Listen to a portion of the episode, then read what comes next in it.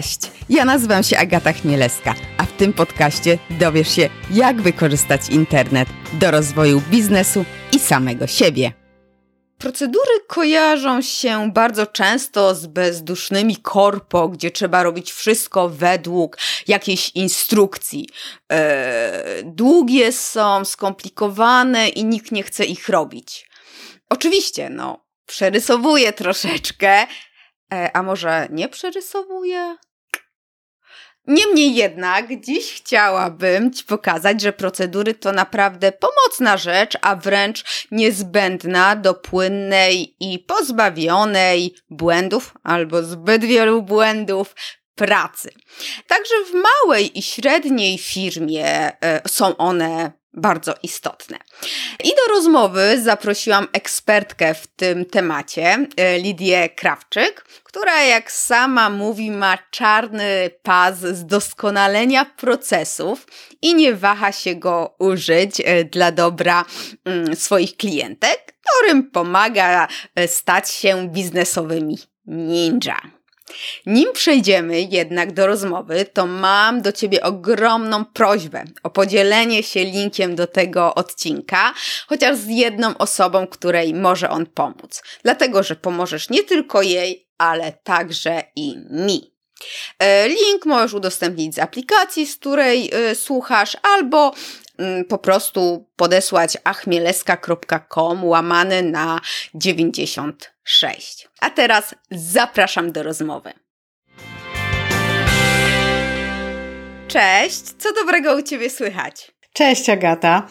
E, wiesz, super, no bo w ogóle jestem w Twoim podcaście, także bardzo mi miło, bo słucham go od czasu do czasu, także bardzo dobrze się dzieje. E, nowy rok to dla mnie taki moment nowej energii, bo nagrywamy teraz sobie w połowie stycznia. Co prawda, wczoraj był nawet Blue Monday, e, ale przeżyłam go dobrze, całe szczęście. I tak jak mówiłyśmy tutaj jeszcze przed nagraniem sobie, że każda z nas odpoczywała trochę w tym okresie świąteczno-noworocznym, ty w ogóle się wyłączyłaś. Ja nie wyłączyłam się zupełnie z, z, z pracy, ale bardzo, bardzo sobie malutko pracowałam i zbierałam energię, ładowałam te moje baterie. I teraz zajmuję się tak trzema projektami z wielkim entuzjazmem z tą nową energią noworoczną. Energia mnie rozpiera w nowym roku, także jest dobrze. Super, super. No to z grubej rury e, wystartowałaś. Ja to tak bardziej e, spokojnie.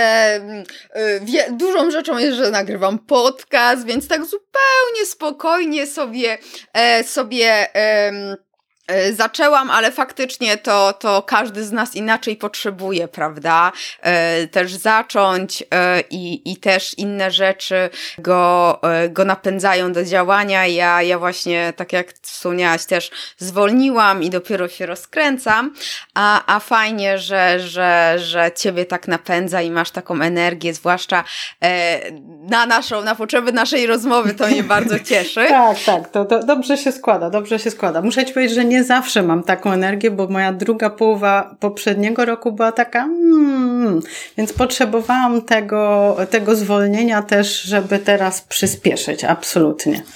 To super, to super, że, że się udało i e, wracając do tych procedur, właśnie chciałam z Tobą o nich porozmawiać e, w odniesieniu do małych i średnich firm, bo procedury często kojarzą się nam z korpo, e, a jednak no, nie są tylko tam przy przydatne i potrzebne. Ale może zacznijmy od tego, czym są procedury, żebyśmy tak wszyscy e, wiedzieli, o czym mówimy. No tak, procedury kojarzą nam się z korpo i ja muszę powiedzieć, że też e, z procedurami spotkałam się w korpo, bo e, jeszcze swego czasu, już, już, już dobrych e, parę lat temu, już 8-9 lat temu, pracowałam jeszcze w korpo, pracowałam przez 12 lat w korpo i tam, e, i tam byłam przez jakiś czas menadżerem od doskonalenia procesu, byłam menadżerem projektów i dużo, dużo z procedurami i procesami pracowałam, więc stąd jakby nadal to moje zainteresowanie i dziwna inklinacja nawet w małej firmie do, do, do procedur. Natomiast co to jest procedura? To jest bardzo proste. Ja bym bardzo chciała, żeby ludziom procedury nie kojarzyły się z, jakimś, z jakąś biurokracją i z szalenie skomplikowanymi, zapisanymi tomami e, z, z informacjami.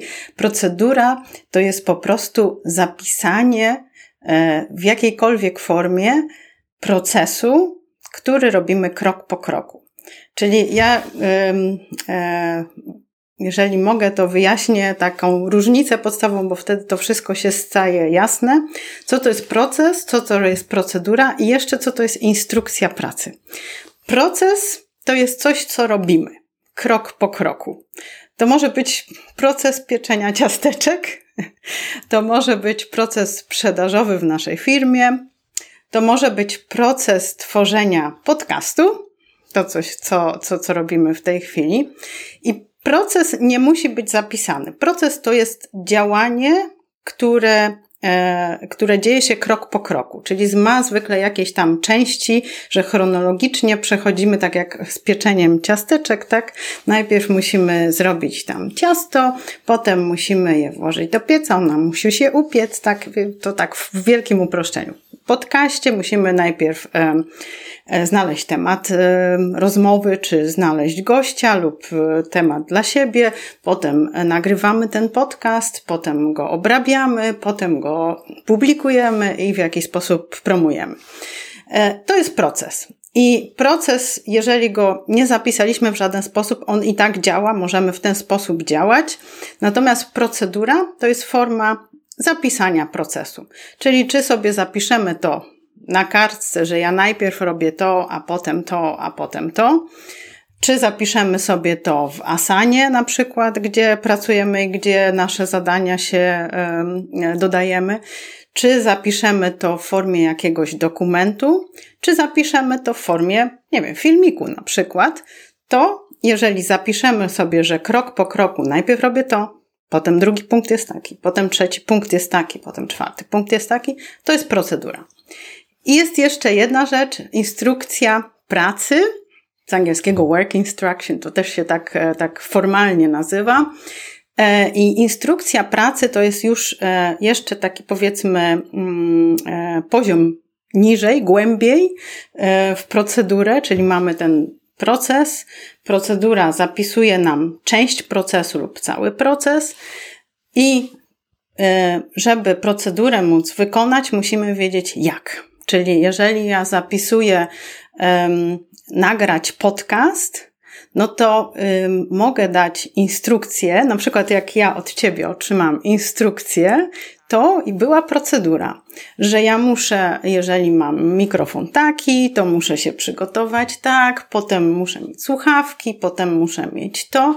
To jest mm, też taka forma checklisty, ale to jest już procedura. E, to, I to jest już, sorry, to jest już instrukcja pracy, bo to mi wytłumaczy jak, do jakiego systemu muszę wejść, co muszę tam ustawić i tak dalej. I znowu instrukcja pracy może e, być czymś, co nam tłumaczy, jak to zrobić w formie zapisanej, w pliku na przykład, lub może być to na przykład filmik instruktażowy.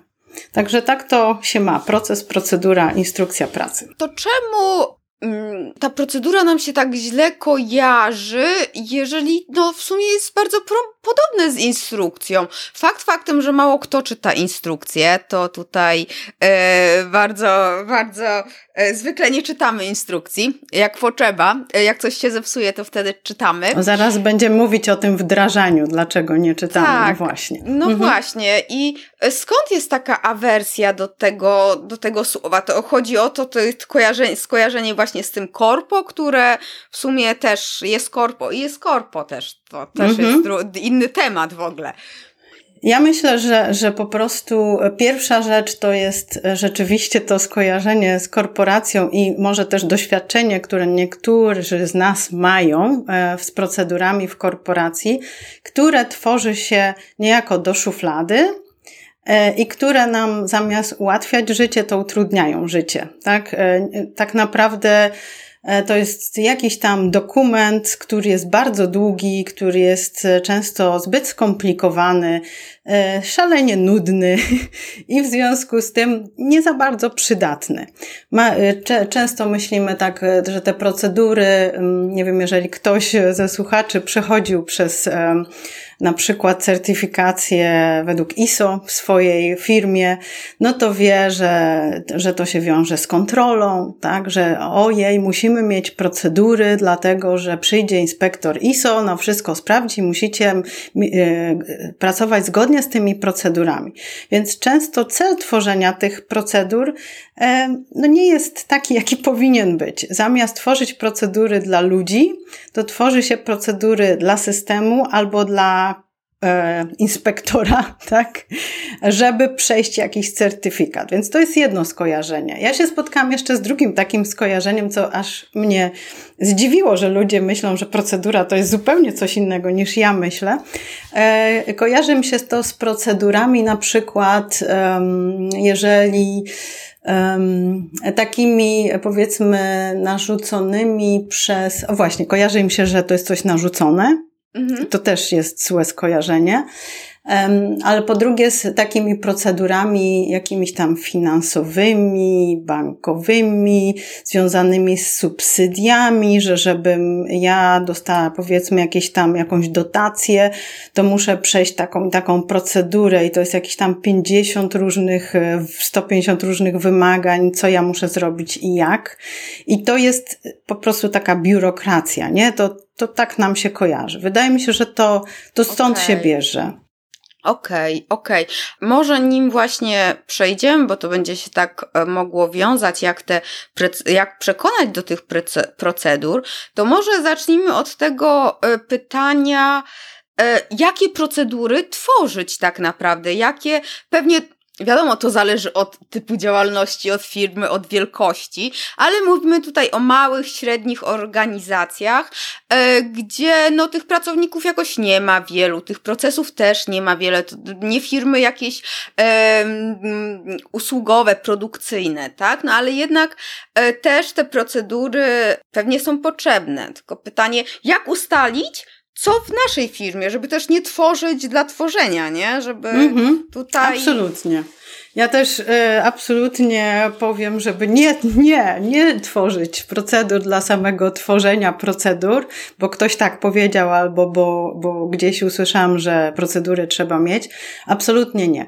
E, ale zastosowałam ta, bym takich e, kilka kryteriów do tworzenia procedury. Czyli kiedy ja, na, bo chcę nawiązać do tego, co mówisz, w tych małych tak. firmach.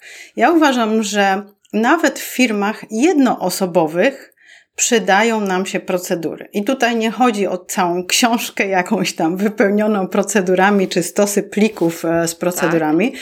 tylko chodzi o te procedury, które faktycznie mogą być dla nas użyteczne. I pierwszym takim kryterium, który, e, które powoduje, że e, procedura może być nam przydatna, to jest, to, je, to jest powtarzalność. Powtarzalność pewnej czynności, pewnego procesu, który przechodzimy, jeżeli powtarzamy regularnie, nawet jeżeli powtórzymy dwa razy coś, to w zasadzie już warto jest to zapisać. Mhm. Szczególnie jeżeli planujemy powtarzać to częściej.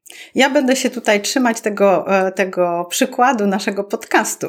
Mhm. No bo tak jak ty, ja też nagrywam podcast, 50 e, parę odcinków, u ciebie to jest już chyba dużo więcej. E, tak, tak, ponad 90. Więc po, no właśnie, no więc 90 razy już powtórzyłaś w zasadzie ten sam proces. I zakładam, że po kilku odcinkach, może już za pierwszym razem zaczęłaś sobie zapisywać, co ja muszę zrobić najpierw, co później.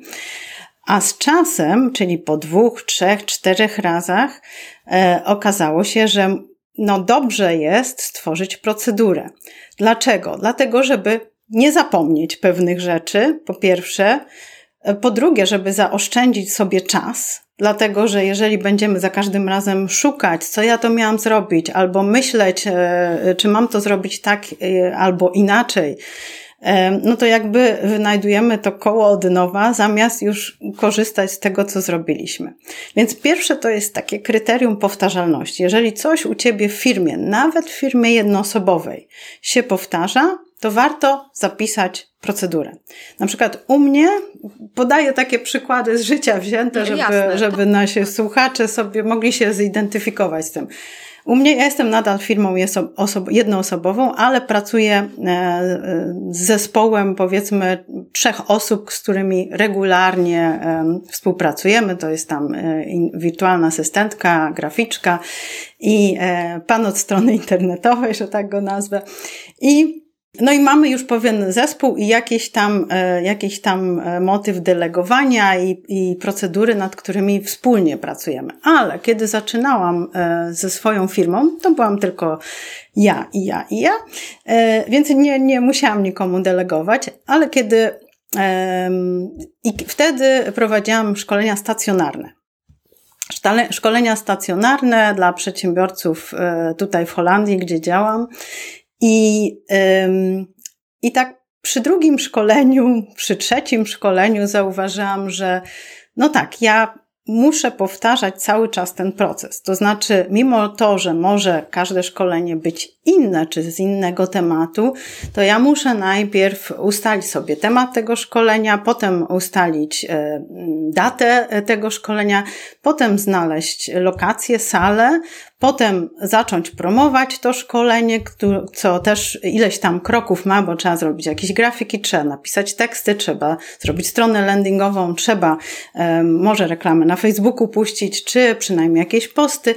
I to wszystko się, i to nie jest samo przygotowanie tylko merytoryczne szkolenia, tylko to jest ileś kroków, które trzeba przejść za każdym razem powtarzalnie. I to była moja pierwsza procedura. Ja sobie po prostu wzięłam Worda i zapisałam sobie krok po kroku, co ja robię, po czym Wtedy pracowałam z, w tej chwili pracuję z Asaną do zarządzania zadań projektów, a, w tej, a wtedy pracowałam z narzędziem Nozbi i po prostu prze, E, sobie te wszystkie zadania do Nozbi jako podzadania i zaczęłam za każdym razem, kiedy robię, robiłam nowe szkolenie, kopiować sobie te zadania. I stwierdziłam, ok, super, to mi ułatwia pracę, bo mogę za każdym razem już przekopiowywać sobie zadania, nie muszę niczego wymyślać od nowa. Czyli nawet w firmie osobowej te procedury, one nie muszą być skomplikowane. To może być, tak jak mówię, plik, to może być dokument na Google Docs, y, to może być po prostu wgrane wręcz jakieś tam podzadania czy, czy, czy zadania w projekcie, w naszym narzędziu, które, e, którego używamy do zarządzania zadań i chodzi o to, żebym ja mogła tylko z tego korzystać, żebym, żeby to mi ułatwiało pracę. Więc to jest takie powtarzalność, Wracam do Twojego pytania, bo inaczej wejdę już w, w inne e, tematy. E, powtarzalność. Po drugie, kiedy, kiedy czy gdzie wdrażać e, procedury w małej firmie. E, powtarzalność, nawet w firmie jednoosobowej, to o czym powiedziałam. Po drugie, delegowanie. No, w momencie, kiedy ja zatrudniałam pierwszą wirtualną asystentkę, to zauważałam, że już bez pewnych procedur e, nie obędzie się. To znaczy, jest trudno delegować komuś, jeżeli nie mamy określonych, e, określonego tego, jak będziemy po kolei co razem robić. Co ty robisz, co ja robię, jak się będziemy komunikować. I tu znowu procedury nam pomagają w e, ujęciu tych rzeczy powtarzalnych. Czyli na przykład za każdym razem, jak chcę, żeby wirtualna asystentka jakiś tam post mi zrobiła, no to wiemy, że ja jej dostarczam treści, tematu, ona powiedzmy tam e, tworzy grafikę lub ja tworzę grafikę, w zależności od tego, jak się podzielimy. To są znowu po kolei kroki, które przechodzimy i żeby za każdym razem nie wynajdywać koła od nowa, to E, tworzymy sobie procedurę i ją kopiujemy i za każdym razem już działamy w ten sam sposób. E, to nam ułatwia życie. Trzecia rzecz, mm, kiedy czy w, jak, w jakim obszarze tworzyć e, procedury, to jest to, czy e, uważam, że dobrze jest spojrzeć na te obszary swojej firmy, które mają bezpośredni styk z klientem, czyli są krytyczne dla Twojego biznesu i dlatego, żeby klient miał dobre doświadczenie w pracy z Tobą. Czyli to będzie gdzieś tam obsługa klienta, mm, czy komunikacja z klientem, jak to nazwiemy sobie, czy mm, jeżeli to jest sklep online, to jest, e, to jest cały e, ten ciąg po zakupie, tak, e, produktu, żeby tam była dobra komunikacja. Więc żeby klient nie, nie czuł się na przykład jakiś tam zapomniany, czy zostawiony sam sobie, czy że, że, że kupił i to wszystko, potem już kończy się Twój kontakt z klientem, to warto mieć w tych punktach krytycznych dla Twojego biznesu i dla odczucia Twojego klienta też procedurę. Tam warto też spojrzeć, żeby nie było błędów, żeby unikać błędów, warto, żeby znowu mieć e, sobie, to może być zautomatyzowane, to nie musi być zautomatyzowane, ale żeby wiedzieć, że klienta obsługuje tak i tak, on dostaje wtedy e-mail, wtedy informacje, potem e, może mu wysyłam ankietę, czy zapytanie, jak tam idzie z kursem, czy, czy, czy, czy, czy jest zadowolony z produktu, żeby e, ten ten obszar krytyczny taki był też jakby obsłużony w odpowiedni sposób. Czym się w takim razie e, procedura e, różni od checklisty? Bo ja sobie stworzyłam checklistę, ja to tak nazywam, checklistę, mhm. projekt nawet w ClickUpie, bo akurat z tego korzystam, gdzie mam te kroki, to przesłać temu, to temu, zrobić to, tamto, wysłać tu temu, te kroki. Czy to jest po prostu mm, nazywane zamiennie, czy, czy jak czy to po prostu jest kwestia nazewnictwa, a to jest tak naprawdę to samo? E, tak, checklista to jest rodzaj procedury. Tak bym to określiła. Okay. To znaczy, może nie każda procedura jest checklistą. Mhm. E, no bo w jaki sposób to, to checklista to jest coś takiego, co y, mamy ileś punktów i musimy je wypełnić, żeby wszystko poszło dobrze. No w sumie procedura jest, jest tym samym. No ale może nie każda procedura nie każdą procedurę może by się podciągnęło pod nazewnictwo checklistę, ale zdecydowanie według mnie każda checklista,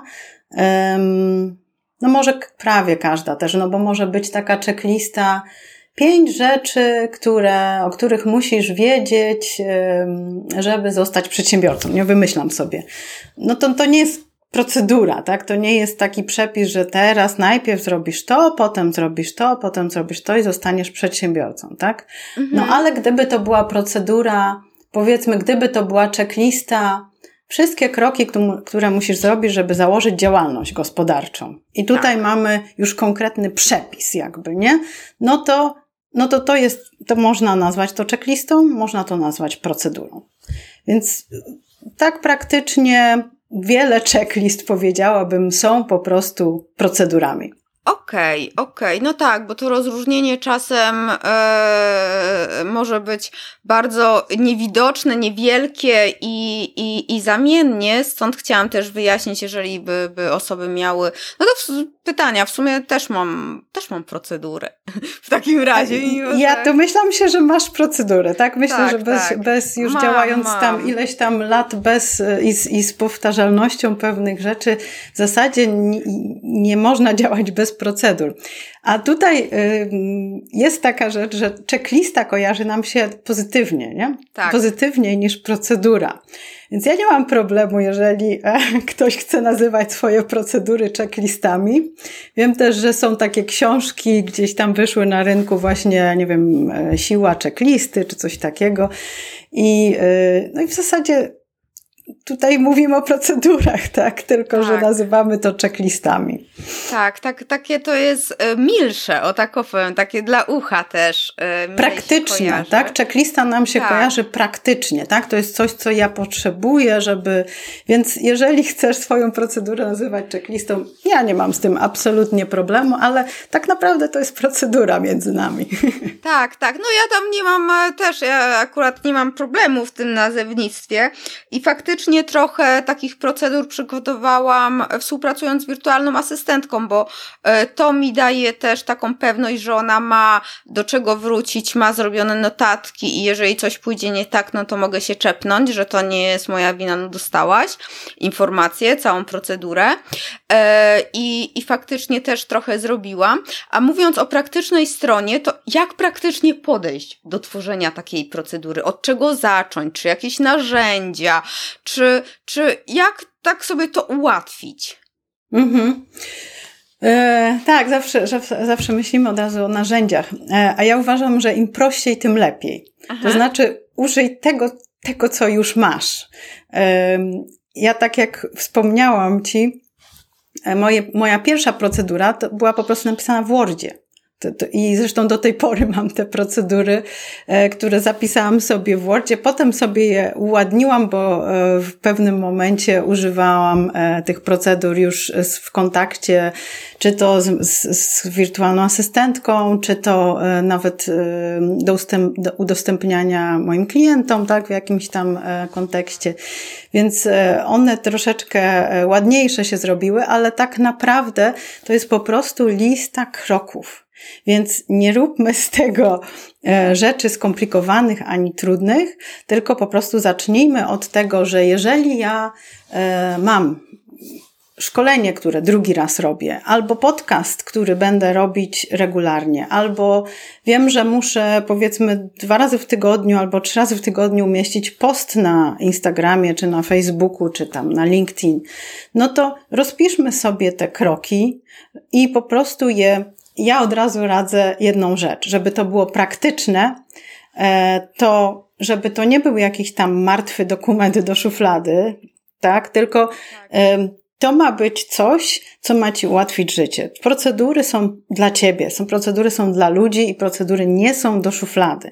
Więc zawsze, jeżeli um, idziesz w coś takiego, że tworzysz procedurę i potem ona gdzieś tam wyloduje na dysku, tak, bo teraz to już nie, raczej do szuflady nie, ale na dysku nam, w przepaściach naszego dysku to ginie, no to, to jakby nie ma sensu. Więc Zrób sobie, bo po prostu łatwiej jest zapisać to krok po kroku na kartce papieru lub na Google Docs, tak? Zapiszmy to sobie.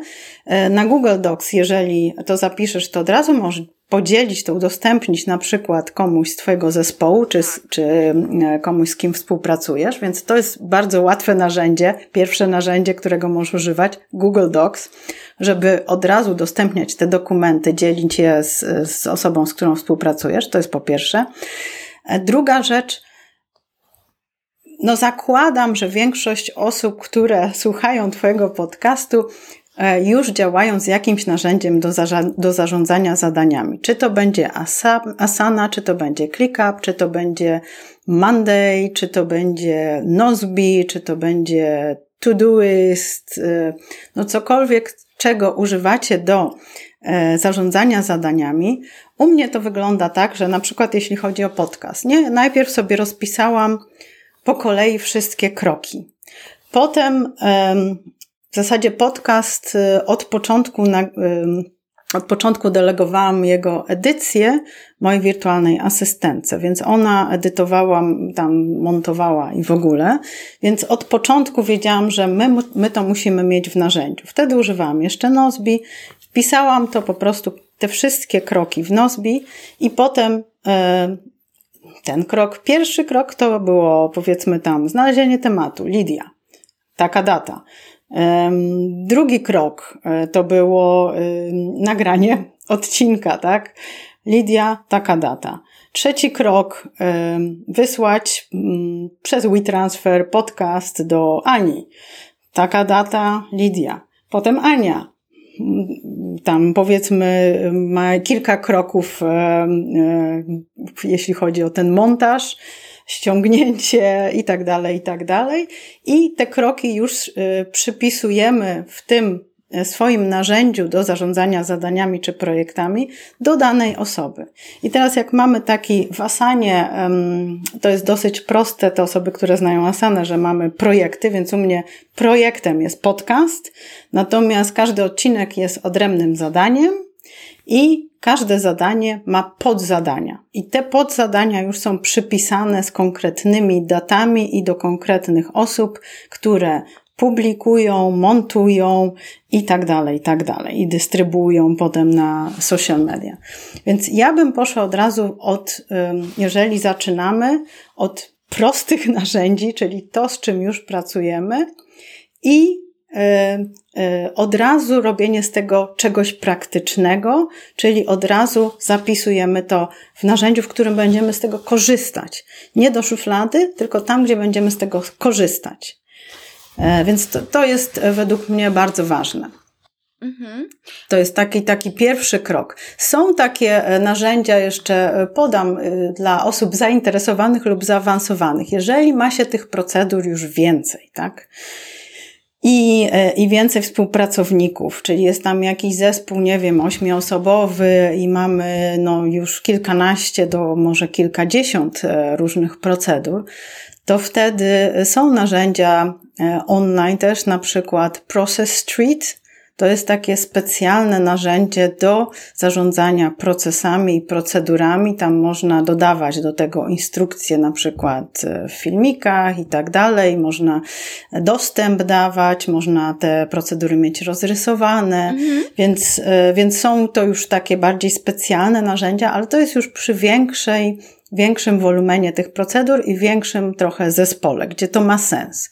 Jeżeli mamy zespół dwu, trzyosobowy, no to ja bym tego nie robiła, korzystałabym z Google Docs i z mm, Asany czy czegoś podobnego do, do pracy z tymi procedurami. Okej. Okay. Okej, okay, to ja ci wejdę w słowo, bo e, dla mnie też procedura to jest taki dokument, który pozwala w e, prosty sposób przeprowadzić onboarding nowego pracownika, nowego współpracownika. E, tutaj tak mądrze mówię onboarding, po prostu wprowadzić do jakiegoś zadania, czyli przekazujemy mu dokument, on się zapoznaje i wie co robić. I teraz jeżeli wprowadzimy od razu, tworzymy tą procedurę od razu w narzędziu w Asanie, to jak to zrobić, żeby ta osoba się mm, no, y, zrozumiała, jak dany proces wygląda. Ja, ja rozumiem. Dla wielu osób podejrzewam, ja, ty, osoby, które działają długo w online, przy różnych takich online'owych rzeczach, no to zerknie nie będzie musiała żadnej instrukcji opisowej y, mieć, no bo my będziemy widziały, tak, że aha, no dobra, to tutaj idzie tak, to tak, ale gro osób, dzisiaj się nawet tak yy, zorientowałam, że kurczę, dla mnie tyle rzeczy jest intuicyjnych przy tworzeniu maila, a a dla wielu osób to w ogóle nie, to nie jest intuicyjne, że trzeba podlinkować przycisk albo zmienić mhm. link.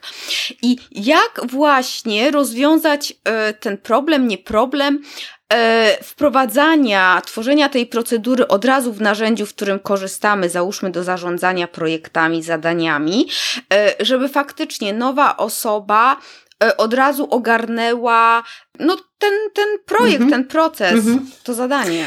E, Okej, okay. to w takim przypadku, to znaczy, tak jak mówiłam, e, ja mówiłam o dwóch narzędziach, czyli Google Docs tak. i Asana. W Asanie korzystamy z tego, ale ja rozpisałabym to gdzieś, na przykład w Google Docs, czy na przykład e, gdzieś, gdzie, no nie wiem, w Wordzie mamy Dropboxa, który udostępnia mhm. pliki więc w każdym razie, żeby to gdzieś opisać, to jest pierwsza rzecz. E, druga rzecz, czyli żeby faktycznie móc udostępnić i też pokazać komuś, jak cały proces wygląda. Więc to jest ważne. E, żeby, no bo rzeczywiście w takich narzędziach jak Asana, no to ten widok na powiedzmy na całą, na całą procedurę jest taki częściowy, nie? I trochę tak. jest to zagmatwane. Więc um, więc nie używałabym tylko tego jako narzędzia. To jest narzędzie do pracy, do, tak, do bieżącej pracy, powinno być zawsze y, praktycznie, tam te procedury powinny działać i pracować, natomiast żeby one też gdzieś były opisane. Więc ja bym proponowała, żeby użyć do tego Google Docsa i żeby wzbogacić to filmikami. Czyli ja mówiłam o tym, że mamy procedury i mamy instrukcje, tak? Instrukcje pracy. Czyli procedura mówi krok to, robisz to. Krok dwa, robisz to. Krok trzy, robisz to. Natomiast instrukcja pracy mówi krok drugi, robisz to. I teraz jak to robisz? Czyli najpierw wchodzisz tutaj w system, później naciskasz to, potem robisz to i tak dalej. W sytuacji, kiedy dzisiaj um, bardzo wiele osób pracuje zdalnie i nie ma tej możliwości, że teraz ja siądę z tobą przy biurku i ci dokładnie pokażę co i jak. Na szczęście mamy technologię, która nam, nam to bardzo ułatwia. Ja używam do tego często filmików robionych w narzędziu Loom L-O-O-M, tak. możemy podlinkować. Tak, Są tak. jeszcze inne podobne narzędzia, ale y, to y, od początku tak mi się spodobało, jest bardzo łatwe, intuicyjne, gdzie możemy nagrać e, swój ekran i ewentualnie siebie w kółku lub bez swojej twarzy, ale w każdym razie nasz głos, jak mówimy i ekran. I e, to się robi bardzo szybko, można od razu udostępnić linka, więc ja sobie wyobrażam tak, że ja to zrobiłam jeszcze inaczej, ale to zaraz powiem, e, że masz Google Docs, gdzie masz te kroki i teraz krok drugi i teraz instrukcja, link do filmiku. I teraz ta osoba wchodzi na ten filmik i patrzy, że krok drugi to dokładnie należy wyko wykonać tak. Tu wcisnąć, tu wejść, tutaj mieć taki kolor, tutaj e, dodać trzeba taki tekst i tak dalej, i tak dalej. Krok trzeci, krok trzeci to jest e, na przykład tam zmontowanie e, ścież, dwóch ścieżek w jednej podcastu, nie? Jeżeli do tego nawiążemy. No i teraz na ekranie wchodzisz do programu takiego i takiego, e, tutaj e, sobie, nie wiem, tam naciskasz to, tutaj naciskasz to i znowu dajemy filmik. Więc to jest um, wydaje mi się bardzo, bardzo taka um, praktyczne, praktyczne podejście do tego, żeby komuś to przekazać. Ale jeszcze wrócę o krok, bo y, mówisz o tym i wydaje mi się, że często Często e, za bardzo, jeśli chodzi o właśnie o procesy, procedury, idziemy w systemy i rozwiązania systemowe, natomiast zapominamy, natomiast zapominamy o, o innych bardzo ważnych e, elementach procesu i procedury, czyli o ludziach. Tak. Powtórzę, ludziach, bo pracujemy wszyscy, jesteśmy ludźmi, te osoby, z którymi współpracujemy, są ludźmi. Więc ja powiem tak, jeśli chodzi o wdrażanie e, procedur i procesów, to ja taki model wypracowałam, który, o którym e, tak. chciałabym powiedzieć. Są cztery elementy tego modelu. E, troszeczkę będzie po japońsku. po pierwsze, kata. Kata z japońskiego to jest taki ruch w, e, w sztukach walki. Natomiast kata jako pojęcie zostało też zaadoptowane do biznesu, do pracy w firmach, tak. na przykład w Toyocie. I kata oznacza to, że e, najpierw, zanim zaczniemy na przykład doskonalić proces, coś zmieniać e, i coś modyfikować, to najpierw należy opanować podstawy. To jest takie mistrzostwo w, opanowaniu e, podstaw, czyli takie mistrzowskie ruchy, które zawsze powtarzamy. I co to oznacza dla nas? Jak ja to tłumaczę, to jest to, że najpierw, jeżeli zaczynamy od e, wdrażania procedur, czy to dla siebie, czy to dla kogoś innego, z kim współpracujemy, e, i w tej drugiej, w tej drugiej sytuacji myślę, że jest to jeszcze ważniejsze, że ta osoba też musi opanować najpierw te podstawy.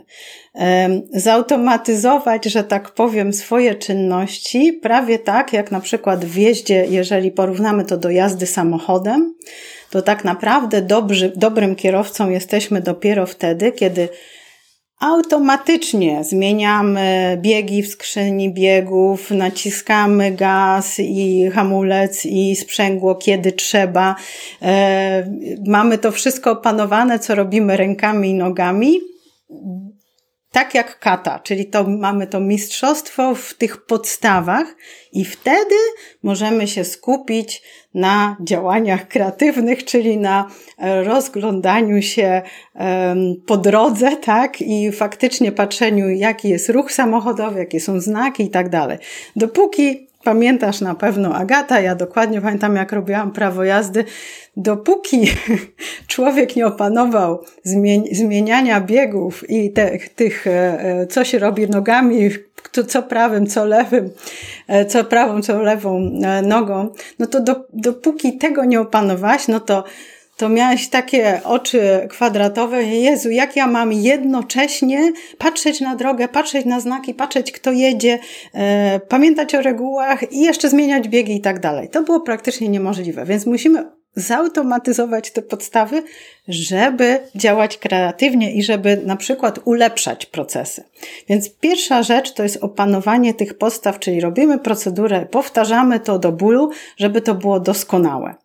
E, na pewno też e, z podcastem masz to doświadczenie, że pierwsze odcinki były takie sobie, że to tak trochę było tego stresu, nerwów i tak, tak dalej. Tak. Coś tam gdzieś nie poszło, coś nie tak nacisnęłam, a tu zapomniałam nagrywać albo coś takiego. I dopiero jak, okazuje się, że dopiero jak opanujemy to, te podstawy, tak, i już wiemy dokładnie, co wcisnąć i tak dalej, nie ma tego stresu, to wtedy możemy się skupić na faktycznym mówieniu, na przekazywaniu tych treści, które chcemy, na e, no, takiej dynamice rozmowy, na, no, na tych fajnych rzeczach, tak, i wtedy to wychodzi lepiej.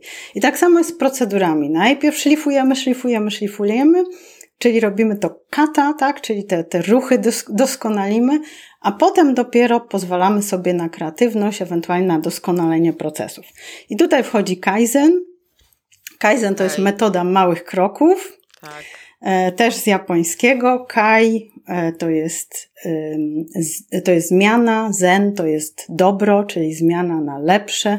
I ta filozofia mówi o tym, że po pierwsze robimy to małymi krokami, i doskonalimy procesy, patrząc na to, ok, pierwszy podcast, czego się nauczyłam. Drugi odcinek podcastu, czego się nauczyłam, co muszę zmienić, małymi krokami. Kolejny odcinek podcastu, no może tutaj coś zmienię, może skrócę, może zrobię dłuższy odcinek, zobaczę jaka będzie reakcja, nie? Czyli zbieramy też dane, co poszło lepiej, co poszło gorzej i powoli wprowadzamy zmiany w naszym procesie. I tak samo tutaj i druga ważna rzecz w filozofii Kaizen, jeszcze dodam to, to jest to, że pracujemy wykorzystując potencjał ludzki. Czy to będzie w korporacji, czy to będzie w współpracy z wirtualną asystentką czy graficzką, że nie narzucamy my, jak ta procedura ma wyglądać, tylko bierzemy to, co nam ludzie mówią, którzy pracują z tą procedurą. Pytamy się ich, jak ci poszło, czy można zrobić to lepiej, jak myśli, jak ty myślisz. Mhm. Nie narzucamy, tylko bierzemy z ich doświadczenia i tworzymy taką atmosferę, żeby ci ludzie chcieli się uczyć i żeby nie czuli się kontrolowani. I to jest bardzo ważne, bo tutaj jakby jest taka bardzo wąska granica między tym, że my chcemy, żeby osoby z nami współpracujące, powiedzmy, robiły te procesy według naszych standardów, tak, czyli pracowały według naszych standardów, ale z drugiej strony e, chcemy dać im też wolną rękę i taką własną odpowiedzialność, żeby to było zrobione dobrze. Nie chcemy kontrolować. Więc musimy bardzo mocno komunikować się z kimkolwiek współpracujemy, jeśli chodzi o takie procedury, i, i wdrażanie tych procedur na początku, e, żeby powiedzieć, słuchaj, ja myślę, że może te kroki zrobimy tak, ale może ty myślisz, że, że inaczej będzie lepiej, może coś trzeba zmienić tutaj, czy kolejność, czy co ci pomoże, czy ja mogę pomóc, żeby ci to szło sprawniej. Mm, warto zadawać takie pytania i być otwartym na to, że, żeby właśnie nie narzucać. Więc to jest, więc mamy kata, mamy kaizen małymi krokami i wykorzystywanie tego potencjału osób, z którymi współpracujemy. Trzeci, zas, trzecia zasada to jest w ogóle ludzie, czyli żeby tworzyć taką kulturę nawet w swoim mini zespole, kulturę uczenia się, a nie, nie kulturę kontroli. Czyli o tym, o czym już wspomniałam. Czyli współpracować z ludźmi i w tym elemencie ludzie, jeszcze dodałabym to, że jeżeli na przykład ty pytasz o onboarding, wprowadzamy nową osobę do, do zespołu, e, którą chcemy uczyć, no to jest jeszcze jedna bardzo ważna rzecz. Tej osobie nie przesyłamy tego Google Docs z filmikami i mówimy, no to radź sobie, tylko tę osobę musimy wprowadzić. Musimy wprowadzić, to znaczy spotkać się z nią, nieważne czy e, przy tym samym biurku, czy zdalnie na Zoomie, i wytłumaczyć, po prostu y, powiedzieć, ok, te proces, ten, przejdźmy przez ten proces po kolei, y, dać tej osobie możliwość zadania pytań, niejasności, mm-hmm. wyjaśnienia. Tak. Od razu powiedzmy poprowadzić, po, po, pokazać i e, na żywo, po ludzku e, spotkać się i niestety, ale trzeba tutaj zainwestować czas, żeby ten czas potem wyciągnąć znowu, czyli żeby za, zaoszczędzić czas na późniejszych ewentualnych problemach, niejasnościach i tak dalej, trzeba zainwestować czas, żeby spotkać się z kimś i wyjaśnić to wszystko i pokazać. Czyli niezależnie od tego, że mamy te wszystkie kroki w procedurach opisane i nawet mamy do tego już wszystkie filmiki zrobione, to i tak konieczny jest czynnik ludzki, czyli spotkanie na żywo, wytłumaczenie, wyjaśnienie, zainwestowanie czasu. Więc to bardzo mocno naciskam, że ten, ten trzeci element wdrażania procesów to są ludzie. E, mhm. Pamiętajmy, że pracujemy z ludźmi, z ludźmi i że tworzymy procedury też dla ludzi i że one mają być w związku z tym takie praktyczne e, i e, zrozumiałe dla, dla każdej osoby. Nie tylko dla nas, nie tylko dla nas. Czwarty punkt to jest wizualizacja w tym całym modelu. To już jest ostatni punkt. Wizualizacja, czyli no właśnie, na przykład twórzmy filmiki. Okej. Okay. Tak, Myślałam, bo to jest łatwiejsze. Jak usłyszałam wizualizacja, to mówię, mamy sobie wizualizować, że to już jest zrobione, czy jak? Nie, okay. no to, to, to zawsze można robić. Nie, mówię, mówię e, o tym aspekcie takim wzrokowym, powiedzmy. Nie, nie mapa marzeń, wróć. tylko, tylko wizualizacja tych procedur na przykład, nie? Więc można to na różne sposoby robić, e, tak? w zależności też od własnych zdolności rysowniczych. W korporacjach, tak, to co się robi, to się robi flowchart, tak zwany. E, czyli flowchart albo value stream mapping, gdzie być może kojarzy, są takie prostokąciki, one są połączone strzałkami, od czasu do czasu jest trójkącik i to jest wtedy tak czy nie i potem jest strzałka dalej, potem mm -hmm. może być czasem jakieś kółko, tak? Tak. To jest, to jest flowchart. Ja tam mogę podrzucić ewentualnie narzędzie online darmowe do robienia flowchartów, Poprosimy. ale myślę, że w większości, e, większości takich biznesów online, mniejszych, raczej nie będziemy stosować flowchartów. Okej, okay, To znaczy, ja sama ich nie stosuję. Stosowałam je w korporacji, ale teraz dla mojej małej firmy ich nie stosuję. Natomiast w przypadku niektórych procesów poprosiłam znajomą sketchnoterkę, żeby mi zrobiła fajną ilustrację procesu. E, I wtedy to jest, e, to jest okay. dużo ładniejsze, dużo fajniejsze i dużo łatwiejsze do przyswojenia. Więc możemy skorzystać z flowchartu, możemy skorzystać ze sketchnoterki, która nam ładnie, powiedzmy, rozrysuje proces, lub możemy, możemy po prostu spotkać się na Zoomie, e, wyświetlić swój ekran i iść krok po kroku z tą osobą, tak żeby ona przynajmniej wzrokowo, nawet jeżeli to będzie e, ta lista, powiedzmy 15 kroków, to żebyśmy weszli i tak, to jest ten krok i teraz ja Ci to pokazuję na ekranie, mówię o tym, żeby było łatwiej to zrozumieć, żeby to nie była tylko taka teoria, że tutaj 15 kroków i rób, nie? Tylko żeby to tak. pokazać w jaki sposób, czy to będą filmiki, czy to będzie nasza własna inwencja, W niektórych programach, chyba zresztą w Zoomie też można to robić, e, chociaż ja z tego nie korzystałam, że na ekranie można rysować. Więc to też jest metoda, tak, żeby tak. pokazać, ok, najpierw robimy to, potem jest strzałka, potem drugi krok, e, potem przechodzimy tu, potem to idzie na przykład do Ani, nie? Potem od Ani tak. to idzie do Agnieszki i tak dalej, żeby też e, pokazać ten, powiedzmy, ten flow komunikacji między nami. To ewentualnie też może nam ułatwić sprawę. W dużych firmach to, co też jest e, w niektórych firmach robione, to się nazywa z japońskiego obeya, war room, czyli taki pokój wojenny, czyli powiedzmy taka duża sala, gdzie na ścianach wieszamy właśnie e, różne tam dane dotyczące e, tego procesu, który omawiamy, na którym rozrysowujemy razem z zespołem, że ja to najpierw to robimy, później to robimy, potem to robimy. Ja oczywiście wiem, że dla małej firmy to nie ma zastosowania, nie ma zastosowania, ale możemy sobie pomyśleć, jak możemy my w naszym małym zespole się zebrać i zrobić taki war, war room, taki pokój wojenny z wizualizacją na ekranie. Myślę, że to jest dobre wyzwanie dla małych zespołów. Tak, tak, na pewno. Na pewno.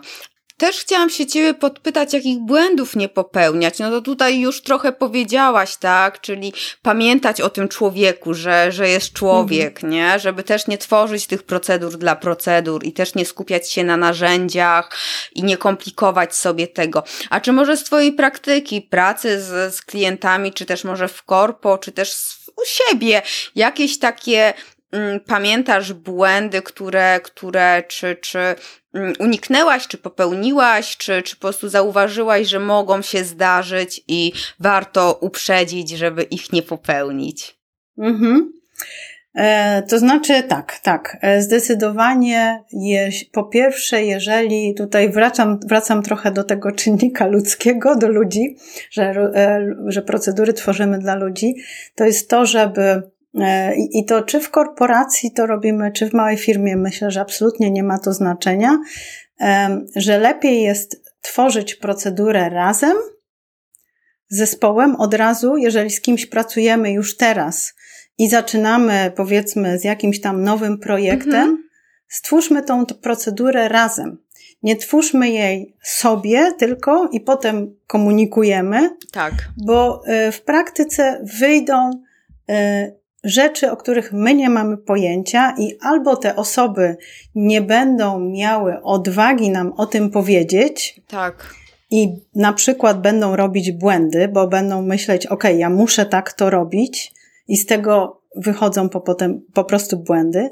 Albo e, druga możliwość, e, będą robić swoje, mimo naszej procedury, bo stwierdzą, że tak będzie lepiej, bo przynajmniej uniknę tych błędów, ale nam o tym też mogą nie powiedzieć, tak. bo pomyślą, no tak, ona chce tą procedurę, no ale ja może zrobię to lepiej, więc to też jest bez sensu, prawda, bo wtedy mamy taką procedurę do szuflady, a ludzie robią co innego. Tak, według swojego. Więc bardzo ważne jest to, żeby właśnie uniknąć tego błędu, że narzucamy procedurę, czyli stwórzmy tą procedurę razem z naszym zespołem. Omówmy to, popatrzmy, ok, co będzie lepsze, ty najpierw zrób to, czy, czy ja najpierw zrobię to, bo, bo czasami to jest kwestia poprzestawiania kolejności kroków, nie?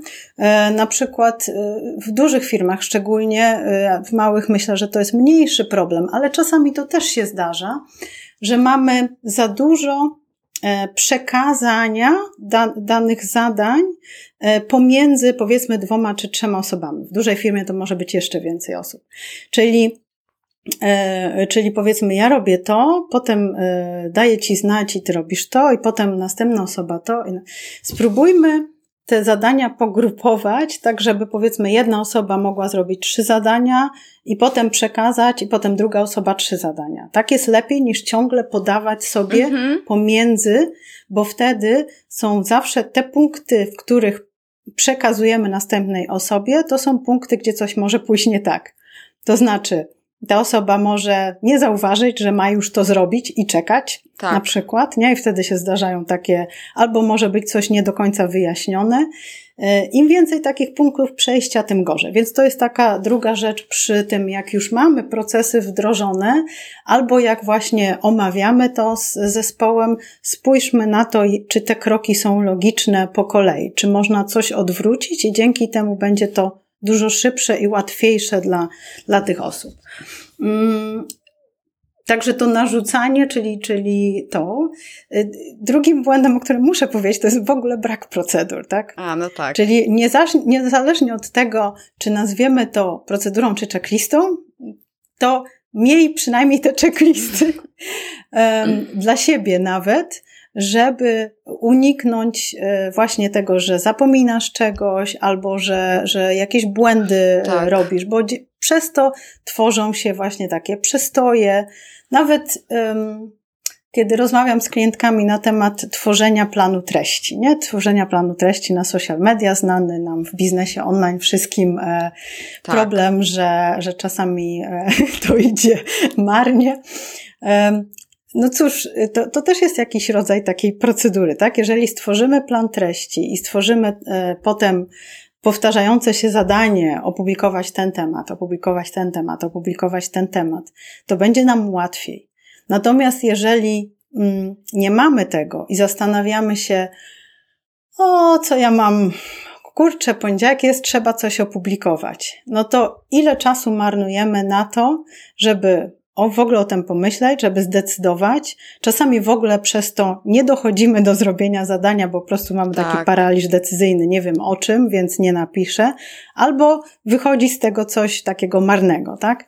I, i to jest też brak procedury, brak planu i brak, brak procedury, żeby po prostu regularnie to wdrażać. Więc brak procedur to jest też taki błąd mówiłaś o tym za bardzo skomplikowane narzędzia, bo to może oznaczać też, y, że jeżeli współpracujemy z kimś, to te osoby będą raczej odrzucone od tego, żeby coś robić z tymi procedurami, jeżeli to będzie w jakimś narzędziu, tak. którego nie znają, którego może nie akceptują, to jest znak kolejne narzędzie, tak?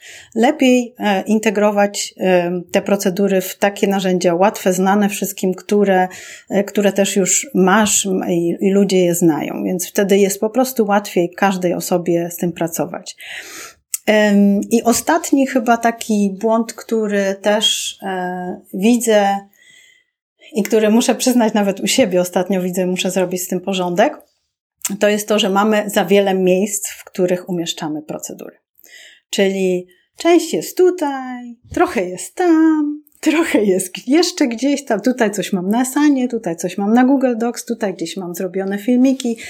E, I teraz mam jakąś tam procedurę, do której chcę wrócić, bo powiedzmy, zdarza się to regularnie, ale nie co tydzień i teraz, u, gdzie to było? Ojejku, w ogóle może nie pamiętam, że w ogóle coś takiego już stworzyłam, nie? Więc to jest gorsze jeszcze.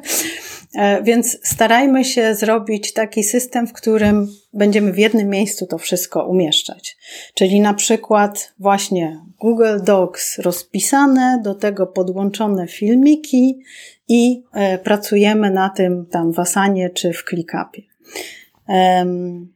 Ja wymyślałam jeszcze taki system e, u mnie, który też fajnie się sprawdza, bo tworzę kursy online, mhm. więc stwierdziłam, a dlaczego by nie stworzyć powiedzmy kursu online wewnętrznego na platformie do kursów online, który oczywiście którego nie sprzedaję, tylko on się nazywa Procesy Business Ninja, moje procesy i tam e, zamiast lekcji umieszczamy kolejne procedury i instrukcje okay. z filmikami.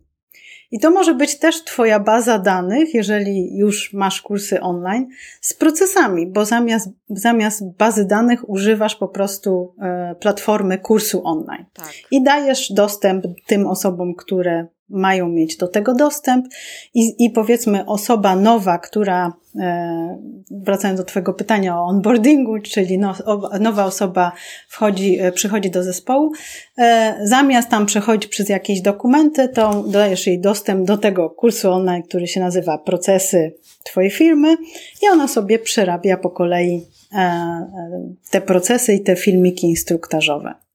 Więc to też może być taki pomysł. Tak, też, też fajny. Faktycznie ma już od razu taki kurs, jak pracować y, w zespole w danej firmie, jak się wdrożyć, to też jest bardzo fajne. Zwłaszcza, że z filmikami ja też używam Loom y, i też na nim robiłam y, swoje instrukcje, procedury, jak, jak tam właśnie publikować podcast i, i jakie elementy, o jakich elementach pa, pamiętać, więc to też, też przydatne jest. Mm -hmm. Dokładnie. E, słuchaj, myślę, że e, jesteśmy już gotowi do tworzenia procedur lub checklist, jak to, jak to woli to nazywać, żeby faktycznie nie przerazić, e, zwłaszcza pracowników. I faktycznie masz rację z tym, żeby robić to wspólnie z zespołem, jeżeli mamy zespół pod sobą, jesteśmy jakimiś menadżerami, bo z własnego doświadczenia wiem, że później no, albo będą robili po swojemu, bo uważają, że tak jest lepiej, prościej, albo nie będą widzieli sensu wykonywania jakichś kroków, e, które załóżmy są z naszego punktu istotne, a jak ktoś nie rozumie celu, sensu, to, to też no, nie chce mu się działać mhm. zgodnie z jakimś tam szablonem. Dokładnie. Ja jeszcze dodam i wetnę Ci się ostatni raz Dajesz. jedną rzecz, że jak już opracowaliśmy jakąś tam procedurę z zespołem i ją wdrożyliśmy, zespół z, nim, e, z nią działa, to też warto, warto sobie zdać sprawę, że to nie jest wyryte kamieniem i że po jakimś czasie ta procedura może się zmienić. Może się zmienić, bo po prostu mamy, nabieramy więcej doświadczenia, czy nasz zespół nabiera więcej doświadczenia i zauważa, że coś można zrobić inaczej, albo po prostu my w międzyczasie mamy jakieś tam nowe pomysły i to się zmienia. E, więc warto sobie zaplanować co jakiś czas taki no, proces review, taką, tak, takie spotkanie, e, które nie musi się odbywać co miesiąc, ale powiedzmy co sześć miesięcy, czy co trzy miesiące. Jeżeli to jest nowy proces, no to warto może po trzech miesiącach na przykład się spotkać z zespołem i sobie przejść po tych krokach jeszcze raz, powiedzieć, ok, co się zmieniło, co działa, a gdzie mamy tutaj jakiś tam problem. Nie, żeby kontrolować pracowników, podkreślam to bardzo mocno, że tutaj e, naprawdę trzeba zainwestować w to, żeby ludzie rozumieli, że jesteśmy uczącym się zespołem, że działamy razem, tylko żeby znaleźć właśnie możliwości ewentualnie ulepszeń tego procesu, albo może już zaszły jakieś zmiany, o których my nie wiemy, albo część zespołu nie wie. I wtedy warto to razem sobie wyjaśnić. A już jak mamy taki proces dłużej, no to to może być na przykład, że raz na pół roku, a może nawet raz na rok spotykamy się i um, robimy sobie taki przegląd e, tego procesu, e, co, czy to jeszcze działa, czy coś trzeba zmienić i wtedy słuchamy tych osób, które pracują e, na, tak. na tą procedurą w praktyce, e, żeby zobaczyć, czy coś trzeba tutaj zmodyfikować. Także procesy też, jakie już mamy, czy te procedury, czy checklisty, to trzeba jeszcze utrzymywać, żeby były aktualne. Tak, tak, tak. No tak. I to jest też, yy, też myślę, że ważne, żeby pamiętać, yy, że jeżeli pracownik, to też tak już z, z sama, z własnego doświadczenia yy, dodam, że jeżeli pracownik w zespole zauważy, żeby nauczyć, tak, żeby pokazać, że jeżeli zauważy, że coś już nie działa i może warto, yy, warto coś zmienić, to żeby nie bać się i powiedzieć o tym, że hej, a może nowe narzędzie znalazłam, a może yy, odkryłem nowy sposób na coś, yy, a może jakieś ułatwienie, nawet jakaś lepsza funkcja w Excelu, która faktycznie może usprawnić i, mm, i okej, okay, my sobie to korzystamy z tego, ale też powiedzieć na forum, zgłosić y, między tymi spotkaniami nawet. Jasne, absolutnie, absolutnie. I myślę, że wiesz, tak, tak na zakończenie to bym powiedziała, um, zmieńmy nasze przekonania o procedurach. E, to znaczy, procedury nie są czymś, co nam ograniczają naszą kreatywność czy radosną twórczość w biznesie, tylko procedury są czymś, co dają nam strukturę. Dzięki temu oszczędzają nam czas, oszczędzają nam błędów e, i dają nam przestrzeń właśnie na tą kreatywność. Jeżeli dzięki procedurom mamy tą naszą strukturę, tak. to wtedy uzyskujemy przestrzeń, żeby robić inne fajne rzeczy. Więc tak bym podchodziła do procedur. Tak, tak, dokładnie. Super, super. Ślicznie Ci dziękuję za podzielenie się wiedzą. E, ja oczywiście e, podlinkuję w notatkach do podcastu mm, do Ciebie, gdzie Cię znaleźć, e, jak namierzyć, jak ewentualnie się skontaktować. I, i co? I życzę dalszego, dalszych sukcesów w, w, w wdrażaniu i procedur, i też uczeniu Twoich podopiecznych, jak skalować i rozwijać y, biznes. Dziękuję Ci ślicznie. Tak, ja mam, ja Ci dziękuję bardzo Agato za tą rozmowę i mam taką misję, żeby właśnie procedury zaczęły się e, kojarzyć pozytywnie w biznesie online. Także mam nadzieję, że jak się spotkamy za rok, za dwa, to już zupełnie będzie inna rozmowa. tak, tak, tak. To trzymamy kciuki i, i trzymaj się dobrego dnia. Dziękuję bardzo, cześć. Hej, hej. No i jak jest u ciebie z procedurami? A może checklistami? Masz? Nie masz? Lubisz? Nie lubisz? Podziel się e, w, w komentarzach do tego odcinka na stronie achmieleska.com łamane na 96. Będę Ci bardzo wdzięczna za Twoje wnioski, jakieś obserwacje, spostrzeżenia, e, może wskazówki, dlatego że no dzielenie się wiedzą, doświadczeniem pomaga nam lepiej działać, stąd warto rozmawiać, e, stąd e, też chętnie e, przeczytam, posłucham, co Ty masz do powiedzenia. Dziękuję Ci ślicznie za wysłuchanie naszej rozmowy.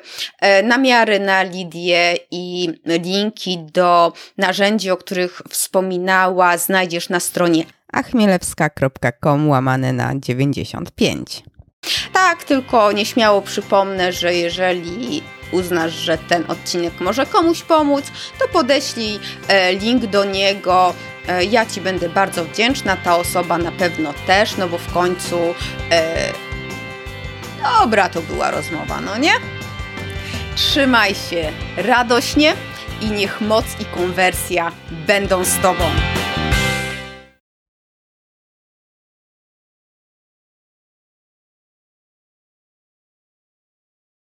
Znajdziesz na stronie achmielewska.com łamane na 95.